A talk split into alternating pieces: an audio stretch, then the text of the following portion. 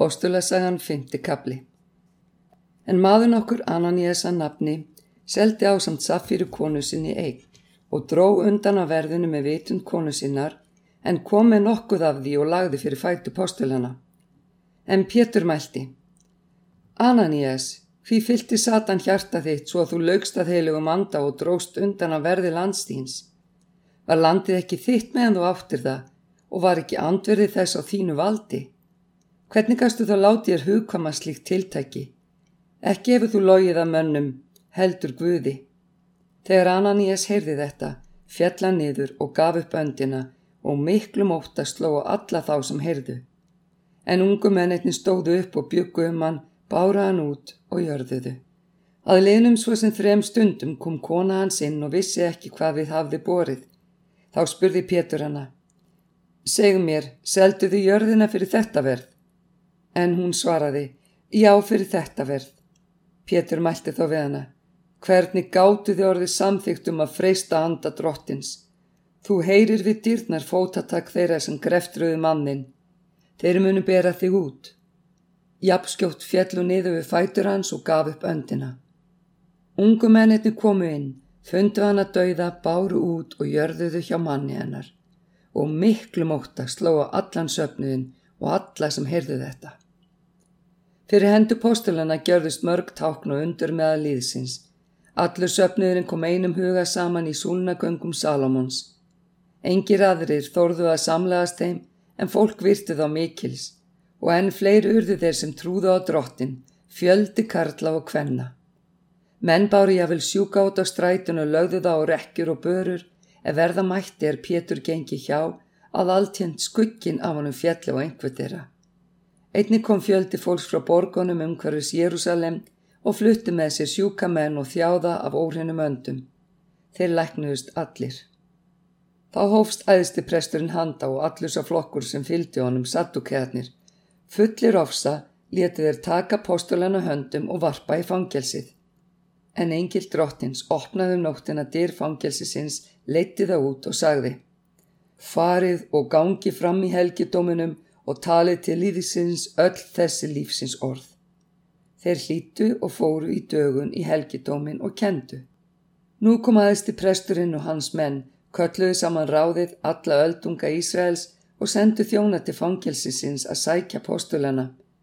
Þeir komi í fangelsið og fundu þó ekki, snýru aftur og skýrðu svo frá. Fangelsið fundum mér að öllu tryggilega læst og varmenninni stóðu fyrir dyrum en er við lukum upp fundum mér engan inni. Þegar varðfóringi helgidómsins og aðstu prestarnir heyrðu þetta, urðu þeir ráðfróta og spurðu hvar þetta ætlað að lenda. En þá kom maður og barðum þessa frétt. Mennirni sem þér settuð í fangelsi standa í helgidóminum og er að kenna líðnum. Þá fór varðfóringin með þjónunum og sótti þá beittu þeir samt ekki ofbeldi því þeir óttuðust að fólki gríti þá. Þegar þeir voru komni með þá leittu þeir þá fram fyrir ráðið og aðeistu presturinn tóka yfirheyra þá og sagði Stránglega bönnuðum ég reyður að kenna í þessu nafni og nú hafið þér fyllt Jérúsalem með kenningu í þar og viljið steipa yfir og splóði þessa manns. En Pétur og henni postulatni svöruðu. Framar ber oss að hlýða guði en mönnum Guð feðravora hefur vakið upp Jésús sem þér hengduð á trí og tókuð af lífi. Hann hefur Guð hafið sér til hægri handar og gjört hann að fóringja og frelsara til að veita Ísrael aftukvarf og fyrirgefningu synda sinna. Við erum vottar alls þessa og heilagur andi sem Guð hefur gefið þeim er honum hlýða. Þegar þeir heyrðu þetta fyltust þeir bræði og hugðu steiða þá. Reist á upp í ráðinu farið síðan okkur Gamalíel að nafni, kennar í lögmálinu virtur af öllum líð. Hann bauða mennitnum eru látni fara út stundakorn. Síðan sagði hann, Ísraels menn, aðtöð vel hvað þér gjöru við þessa menn. Ekki alls fyrir laungu kom þvetas fram og þóttist vera eitthvað. Hann aðfylltust um fjögur hundru manns, en hann var drepin og allir þeir sem fylgd honum tvístruðust og hörfu. Eftir hann kom fram Jútas frá Galilegu á dögum skrásetningareinar og snýri fólki til fylgisvisi. Hann fórst líka og þeir dreifust allir sem fylgd honum. Og nú segi ég yfir, láti þessa menn eiga sig og sleppi þeim, sé þetta ráðið að verk frá mönnum verður það að engu, en sé það frá Guði, þá megnið ég ekki að yfirbuga þá. eigum á það verða að þér berjistu sjálfan Guð. Þeir fjallust á málans, kölluð á postulana, húðstryktu þá fyrir buðum að tala í Jésu nafni og letu þá síðan lausa. Þeir fóru burt frá ráðinu glaðri við því að þeir höfðu verið virtir þess að þóla háðung vegna naps Jésu. Letu þeir eigi af að kenna dag hvern í helgidóminum og í heimahúsum og bóða fagnaður erindið um að Jésu sé Kristur. Postulasagan sjötti kapli Á þessum dögum er að lærisvennum fjölgaði fóru grískumælandi menn að kvart út af því að hebreskir settu ekkir þeirra hjá við daglega útlutun. Hinnir tólf kölluð þá lærisvennahópin saman og sögðu. Ekki hæfir að ég er hverfum frá bóðun Guðs orðs til þess að þjóna fyrir borðum. Finni því bræður sjö velkynnta menn úr yðar hópi sem fullir eru anda og visku. Munum við setja þá yfir þetta starf, en við erum munum helga á spæninni og þjónustu orðsins. Öll samkoman gerir góðan rómað málið þeirra og kusu þeir Stefan, mann fullan af trú og heilögu manda, Filipus, Prókoros, Nikanor, Tímon, Parmenas og Nikolás frá Antjókíu sem teki hafi gifingatrú. Þeir leittu þá fram fyrir postulana sem báðust fyrir og lögðu hendur yfir þá. Orðguðs breytist út og tala lærisvinnana í Jérúsalem fór stórum vaksandi. Einnig snýris mikill fjöldi presta til hlýðinni við trúna. Stefan var fullur af náð og krafti og gjörði undur og ták mikil meðal fólksins og þá koma til nokkri menn úr svo nefndir leysingjarsamkundu. Þeir voru frá Kírineu og Aleksandríu en aðrir frá Kilikíu og Asíu og tóku að þrátt af við Stefan. En þeir gáti ekki staði gegn visku þeirri og anda sem hann talaði af. Þá fengu þeir menn okkra til að segja Við höfum heyrst hann tala lastmæli gegn Mósi og Guði. Þeir æstu fólkið, öldungana og fræðimennina og þeir veittust á honum, gripan og færðan fyrir áðið. Þá leittu þeir fram ljúvottaðir sögðu. Þessi maður er alltaf að tala gegn þessum heilaga stað og lögmálinu. Við höfum heyrt hann segja að þessi Jésu frá Nazaret muni brjóta niður musterið og breyta þeim siðum sem Mósi hefur sett oss. Allir sem í ráðinu sátu störðu á hann og sáu að ásjóna hans var sem engils ásjóna. Póstula sagan sjöndi kapli. Þá spurði aðisti presturinn, er þessu svo farið? Stefán svaraði. Heyrið mig bræður og feður. Guð dýrðarinnar byrtist föðu vorum Abraham er hann enn var í Mesopotamíu áður en hann settist að í Haran. Og hann sagði við hann, far þú burt úr landi þínu og frá ættfólki þínu til landsin sem ég mun vísa þér á. Og þá fór hann burt úr kaldiðalandi og settist að í Haran. En eftir lát föður hans leiti Guðan þaðan til þessa land sem þér nú byggið. Ekki gaf hann honum óðal hér, ekki eitt fótmál, en hann hétt honum að gefa honum landi til eignar og niðjum hans eftir hann, þótt hann væri enn ballaus. Guð sagði að niðjar hans myndi búa sem útlendingar í ókunnu landi og verða þjáður og þrælkaðir í fjögur hundru ár. En þjóðina sem þrælkar þá mun ég dæma, sagði Guð, og eftir það muni þér fara þaðan og þjóna mér á þessum stað. Þá gaf hann honum sáttmála umskurnarinnar Síðan gatt Abraham Ísak og umskar hann á áttunda degi og Ísak gatt Jakob og Jakob ættfeðurna tólf. Og ættfeðurnir öfunduði Jósef og seldu hann til Egiptalands, en Guð var með honum, frelsaði hann úr öllum þrengingum hans og veitti honum hilli og visku í augum fara hos Egiptalands konungs, svo hann skipaði hann höfðingi yfir Egiptalandi og yfir allt sitt hús. Nú kom Hallari á öllu Egiptalandi og kanan og mikil þrenging, og feður vorir höfði ekki lífsbjörg. En er Jakob heyrði að hvort væri til á Egiptalandi, sendan feður voru að þangað þið fyrra sinn og í síðara skiptið gaf Jósef sig fram við bræður sína og fara og var kunn ætt Jósefs. En Jósef sendi eftir Jakobi föður sínum og öllu ættfólki sínu 75 manns og Jakob fór sögu til Egiptalands. Þar andaðist hann og feður vorir Þeir voru fluttið til Síkem og lagðir í gravreitin er Abraham hafi keift fyrir silfur af svonum Hemors í Síkem. Og nú tók að nálgast á tími rætaskildi fyrirheiti sem Guð hafi gefið Abraham. Fólkið hafi vaksið og markvaldast í Egiptalandi. Þá hófst til ríkist þar annar konungur er eigi vissi skín á Jósef. Hann beitti kynvort slæð og lék feður voru illa. Hann let á bera út unga börn sín til þess að þjóðun skildi eigi lífi halda. Um þessar mundir fættist Móse og var forkunar fríður. Þrjá mánuði var hann fóstraður í húsi föður síns. En er var borin út, tók dóttir fara og sann og fóstraði sem sinn svon. Móse var frættur í allri speki Eikifta og hafa máttur í orðum sínum og verkum. Þegar hann var færtugur að aldri kom honum í huga vitja bræðra sinna Ísraelsmanna. Hann sá eittir að vera fyrir ójöfniði og rétti hann hlut hans, hendi þessi meingjörðina þóldi og drap Egiptan. Hann hugði að bræður hans myndu skilja að Guð ætlaði að nota hann til að bjarga þeim en þeir skildu það ekki. Næsta dag kom hann að tveim þeirra sem slóust.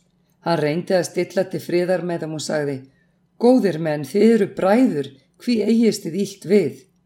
En sá sem beitti náunga sinn órétti hratt honum frá sér og sagði Hver skipaði þig höfðingja og dómar yfir okkur? Þú munt þó ekki vilja drepa mig eins og þú drafst Eikiftan í gær. Við þessi orð flýði Mósi og setti stað sem útlendingur í Mítianslandi. Þar gatt hann tvo sónu. Að fjörtjú árum leiðinum byrtist honum engill í eðimörk sína í fjáls í logandi þyrnurunna. Mósi undraði sínina, gekk nær og vildi higgja að. Þá hljómaði rött drottins. Ég er Guð feðraðina, Guð Abrahams, Ísaks og Jakobs. En Móses skjeldist og þorði ekki að higgja frekar að. En drottin sagði við hann, Leisa þér skóð þína, því að staðurinn sem þú stendur á er heilug jörð. Ég hef sannlega séð áþjón líðsmýns á Egiptalandi og heyrt andverf þeirra og er ofan komin til að frelsa þá. Kom nú, ég vil senda þig til Egiptalands. Þennan Mósi er þér afneituð með því að segja hver skipaði þig höfðingja og dómara. Hann sendi Guð sem höfðingja og lausnara með fulltingi engilsins er hún byrtist í þyrnirunanum. Það var Mósi sem leytið það út og gjörði undur og tákn á Egiptalandi, í Rauðahafinu og á Eidimörkinni í fjörtju ár. Þessi er sá Mósi sem sagði við Ísraelsmenn, spáman eins og mig mun Guð uppvekja yður einn af bræðrum yðar. Hann er sá sem var í söpniðinum í eigðumörkinu með englinum er við hann talaði á sína í fjalli og var með feðrum vorum. Hann tók á móti lifandi orðum að gefa oss. Egi vildu feður voru hlýðnastónum, heldur hrundónum frá sér og þráði hjörtum sínum Egiptaland. Þeir sögðu við Aron, Gjör og skvuði er fyrir oss fari því að ekki vitum ég hvað orðið er af mósi þeim sem leiti og sprott af Egiptalandi. Og þeim dögum smíðuði þeir kálf færðu skurgóðinu fórn og kættust að verki handa sinna. En Guð snýri sér frá þeim og let þeim eftir að dýrka her heiminsins eins og ritaður í spámónsbókinni. Hvort ferðu þér mér Ísraels ætt, sláturdýr og fórnir árin fjörtjú í eðimörkinni? Nei, þér báruð búð Móloks og stjörnu Guðsins refansmyndirnar sem þér smíðuðu til þess að tilbyðja þær. Ég mun herliða yfir austur fyrir Babilón. Vittnisspurða tjálbúðuna hafðu feðu vorur í eigðumerkinni. Hún var gjörð eins og sá bauð er við Móse mælti eftir þeirri fyrirmynd sem Móse sá. Við henni tóku og feður vorir, fluttu hana með Jósóin í landið sem þeir tóku til egnar af heiðingunum er Guðrak brott undan þeim. Svo stóð allt til daga Davís. Hann fann náð hjá Guðu og baða hann mætti finna bústað fyrir Jakobs Guð, en Salomon reist honum hús en eigi býr hinn hæst í því sem höndum er gjört. Spámaðurinn segir, Himinin er hásæti mitt og jörðin skur fóta minna. Hvaða húsmunið er reysa mér, segir drottin, eða hver er kvildarstaður minn? Hefur ekki hönd mín skapað allt þetta? Þér harsvíraðir og óumskornir í hjörtum og eirum, þér standið ávalt gegn heilugum anda, þér eins og feðuriðar, hver var svo spámaður sem feðuriðar ofsóttu eigi? Þeir drápuð á er bóðuðu fyrirfram komu hins réttláta og nú hafið þér svikið hann og myrt, þér sem lögmáli fengu fyrir ömsíslan engla en hafið þó eigi haldið það.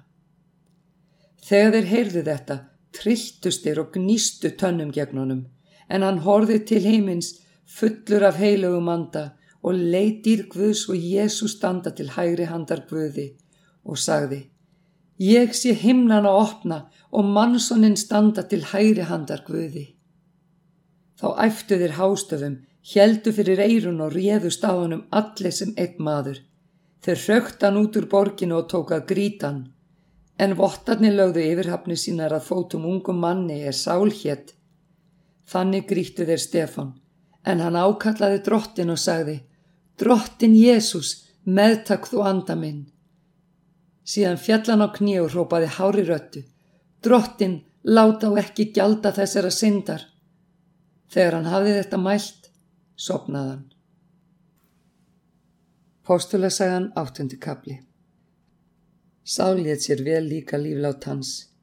Á þeim degi hófst mikil ofsokk gegn söfniðinum í Jérúsalem. Allir dreifust út um beigður í Júteu og Samaríu nema postulatnir. Guðregnir menn greftruðu Stefán og hafðu sorgara að töfn mikla.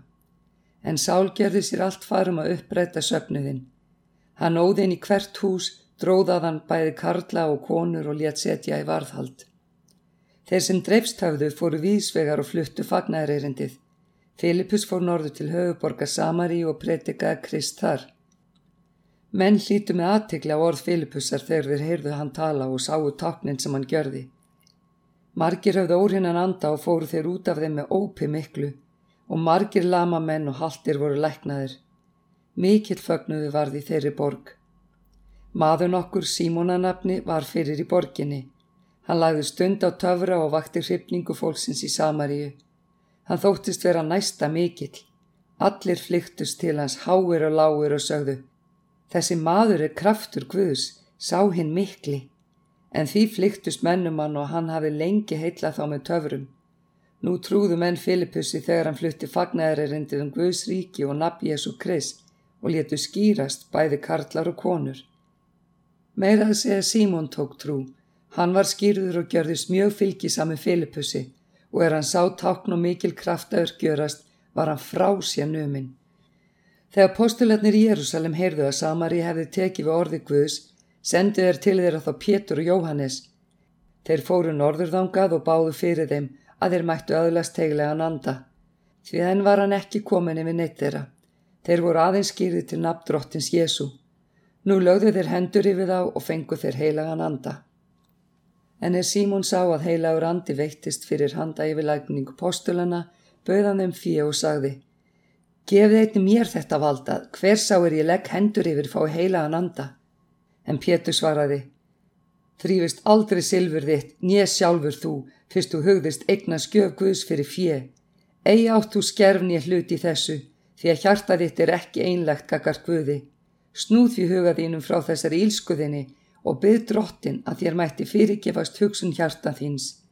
Því ég sé að þú ert fullur gall beiskju og í fjötrum ránglætis. Símún sagði, byrði þér fyrir mér til drottins að ekkert komið það yfir mig sem þér hafið mælt. Er þér höfðu nú vittnað og talað orð drottins, snýruð þér aftur áleiðist í Jérúsalem og bóðuðu fagnæðreirindið í mörgum þorpum samverja. En engil drottins mælti til Filipussar. Statt upp og gakk suður á veginn sem liggur ofan frá Jérúsalem til Gaza. Þar er óbyggð. Hann líti og fór. Þá barað mann frá Eþjópíu. Hann var hyrðmaður og höfðingi frá Kandake, drottningu Eþjópía og settur yfir alla fjárhyslu hennar. Hann hafi farið til Jérúsalem til að byggjast fyrir og var á heimleið, satt í vagnir sínum og las Jésajas báman. Andin sagði þá við Filipus, gakka þessum vagni og vertu sem næstónum. Filipus kundaði þangað og heyrði mannin vera að lesa Jésajas báman.